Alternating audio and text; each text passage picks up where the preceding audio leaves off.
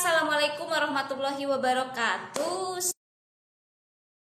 Sebenarnya pada kesempatan malam hari ini tuh uh, saya uh, ada um, pembahasan tema khusus tentang perempuan dan bela diri bersama dengan uh, perempuan berkisah komunitas PB Jabodetabek.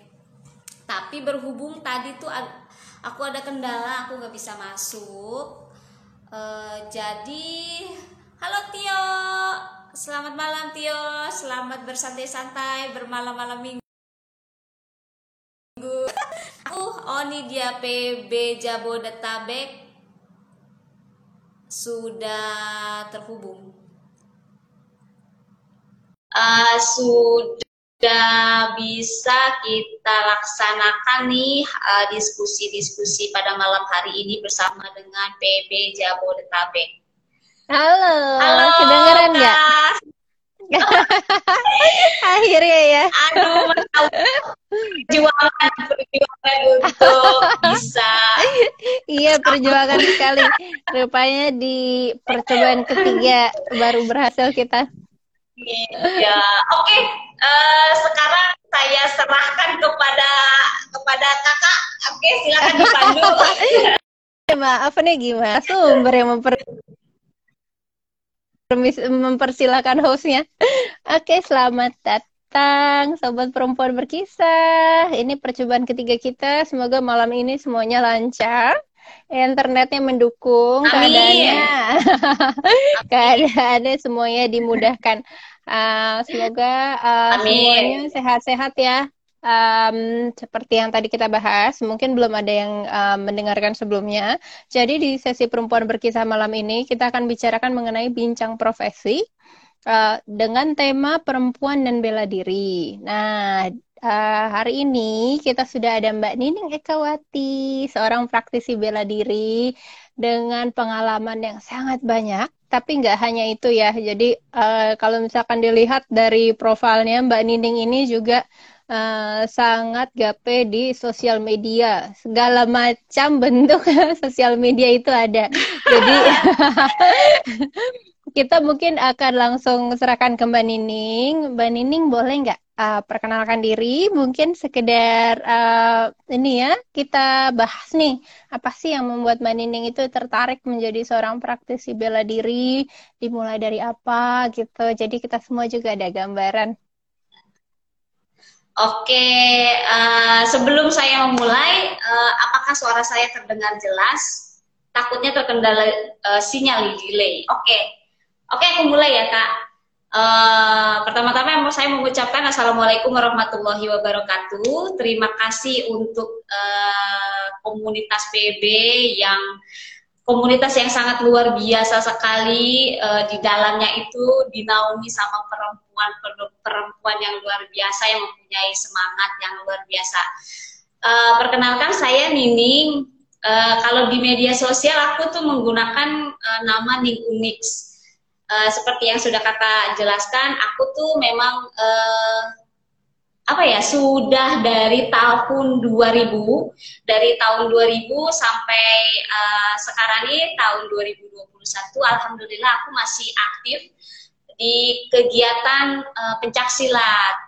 Awal mulanya itu aku tergabung di kegiatan pencak silat ini itu awalnya aku ikut ekskul dari ekskul bela diri yang ada di sekolah. Nah kan ada pilihan-pilihan kegiatan tuh. Aku termasuk anak yang aktif, uh, senang mengikuti kegiatan-kegiatan di sekolah. Nah saat itu yang aku pilih adalah uh, bela diri pencaksilat. Sebenarnya sih ada ada pilihan lain, ada taekwondo, terus ada karate. Cuman karena karate aku sudah pernah coba lagi waktu aku kelas waktu aku SD, aku SD pernah mencoba bela diri karate, jadi sudah tidak penasaran lagi di karate. Nah, terus aku tuh tertarik uh, di pencak silat ini karena melihat dari performa demo ekskul. Nah, di situ tuh aku sangat uh, terpana dengan uh, penampilan-penampilan dari kakak-kakak senior yang menampilkan yang menampilkan uh, gerakan-gerakan silat, terus penampilan-penampilan pemecahan jurus, terus ada apa tuh namanya? Hmm, ada atraksi pemecahan kayak genteng, terus besi, tebu, pemecahan batu kali. Saat itu tuh di tahun itu tuh aku ngeliatnya wow keren banget eh, aksi-aksi uh, seperti itu. Apalagi kan di performa itu tuh ada perempuan-perempuannya. Terus aku tuh jadi merasa wah kayaknya uh, aku harus coba nih uh, kegiatan ini. Ya alhamdulillah uh, selain dari performa saat itu yang dikemas dengan sangat indah yang membuat saya jatuh cinta untuk terjun ke kegiatan itu ada lagi tuh kak yaitu uh, rasa persaudaraan di dalam perguruan itu sendiri yang membuat saya uh, semakin merasa nyaman berada di komunitas itu seperti itu ini kebetulan ada ada sahabat saya nih satu perguruan. Ada Kaulan. Halo Kaulan, wah hidup Satria. Oh iya, uh, aku itu perguruannya itu adalah Satria Muda Indonesia uh, yang bisa kita banggakan dari perguruan ini pembinanya, pemimpinnya, terus pendirinya adalah Bapak Prabowo Subianto. Sangat sangat-sangat eh, membanggakan sekali kita nih, saya terus ter termasuk juga Kaulan bisa tergabung di dalam eh, perguruan ini. Kurang lebih seperti itu, Kak. Berarti udah berapa lama nih, Mbak? Kalau misalkan kalau dari awal mula sampai sekarang? Ya, uh, kurang lebih 21 tahun lah, Kak. Wah, tapi aku nih penasaran deh. Aku tuh dulu ikut yeah. karate ya. Uh, oh gitu ya, ya. Ikut karate aku, tapi aku ikut karate ya cuman karena aku taunya itu gitu. Jadi sementara kan kalau dari cerita Mbak Nining tuh kayak Mbak Nining tuh udah ngalamin semuanya. Uh, dan aku sendiri itu dulu sejujurnya ya aku nggak tahu gitu. Buat aku bela diri adalah ya suatu cara untuk ya kita belajar gitu. Uh, kalau misalkan ada masalah ya kita mencoba membela diri dari apa pun itu yang terjadi. Tapi apa yang ngebuat pencak silat itu sebenar, sebenarnya menarik gitu.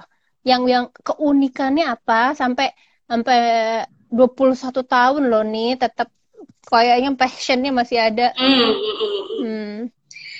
Kalau da, kalau menurut pengamatan saya sih segala sesuatu yang kita bisa jalani dalam eh, jangka waktu cukup lama itu uh, balik lagi ke basic dasar si orangnya ya. Kalau kita mencintai kegiatan itu, itu tidak akan terasa kita sudah menjalaninya ternyata oh ternyata udah 10 tahun, oh ternyata udah 15 tahun, sudah 20 tahun karena kita mencintai kegiatan tersebut. Uh, terus kalau untuk aku selain dari yang tadi sudah aku sebutkan karena aku perempuan yang memiliki adrenalin tinggi yang membutuhkan wadah untuk menyalurkan untuk menyalurkan energi saya ya, terus udah gitu juga yang udah saya jelaskan saya itu ter, uh, jatuh cinta sama sama persaudaraannya. Jadi kita merasa walaupun kita junior tapi kakak-kakak senior kita itu sangat mengayomi sekali. Jadi tidak ada rasa uh, di tirikan atau tidak merasa uh, ada ada gap antara senior dan junior. Tapi uh, siapa pun uh, dirangkul di uh, diajak kebersamaannya diajak kekeluargaannya itu yang membuat kita selain tadi kita membutuhkan uh, wadah kita juga jatuh cinta sama uh, persaudara, uh, persaudaraan sama kekeluargaannya itu kak nah saling melindungi ya jadinya ya Ya, betul, betul. Hmm, nah itu juga sih yang ngebuat aku penasaran. Pernah nggak sih Mbak ngerasa uh, sebagai seorang perempuan gitu, Terus mm-hmm. ya bisa dikatakan bela diri ini mungkin uh, untuk beberapa orang dikonotasikan uh, olahraga yang identik mungkin untuk beberapa ekstrim, orang ya? ekstrim atau uh, banyak kan laki-laki ya. gitu kan kayak yang Mbak ya. juga cerita ya waktu Mbak merhatiin yang pencak silat wah di situ banyak perempuannya. Ini terkesan berarti di yang bela diri bela diri lainnya tuh kebanyakan laki-laki gitu. Pernah nggak ngerasa kayak uh, aku nih kok nggak bisa sekuat itu ya atau mendapatkan perlakuan yang beda. Kayak uh, karena dia perempuan udah deh biarin aja jangan dia mukul kayu gitu misalnya. Kayak gitu pernah ada nggak di uh, oh. kalau di komunitas saya enggak tuh kayak jadi tidak dibedakan uh, si apa misalnya kalau dilihat ah kayaknya ini pro, uh, anaknya kayaknya rada-rada lemah gitu. Justru kalau yang lemah itu nanti akan dibina untuk supaya menjadi lebih kuat. Nanti ada pembentukan-pembentukan fisik, pembentukan mental gitu. Terus uh, justru kalau misalnya ada perempuan-perempuan yang terlihat menonjol gitu, dia mempunyai uh, rasa keberanian yang tinggi, terus dia mempunyai postur tubuh yang kuat gitu ya uh, justru malah pelatih-pelatih itu suka karena hmm. uh, yang namanya yang namanya bela diri kan membutuhkan uh, tubuh yang kuat terus mental yang berani ketika ada salah satu adik didik kita yang memiliki karakter-karakter seperti itu kita malah justru senang dan kita arahkan terus di dipupuk gitu semangatnya supaya nih anak latihannya tidak uh, tidak kendor. Terus supaya skillnya semakin bertambah lagi gitu kak. Jadi tidak ada pembedaan. Iya, setuju aku ya. Itu ya uh, pembinaan ya. Kalau kata Mbak Sandra nih pemberdayaan gitu. Bener banget ya. Jadi uh, tiap orang itu dilihat atas potensinya masing-masing gitu. Dan seperti yang tadi Mbak juga bilang ya karena mungkin semangat kekeluargaannya ada di sana gitu. Jadi nggak uh, pernah dilihat sebagai suatu kelemahan, justru dicari cara gimana biar kita sama-sama bisa gitu. Nah, yang aku penasaran juga nih Mbak, um, selama ini nih uh, pernah nggak Mbak nih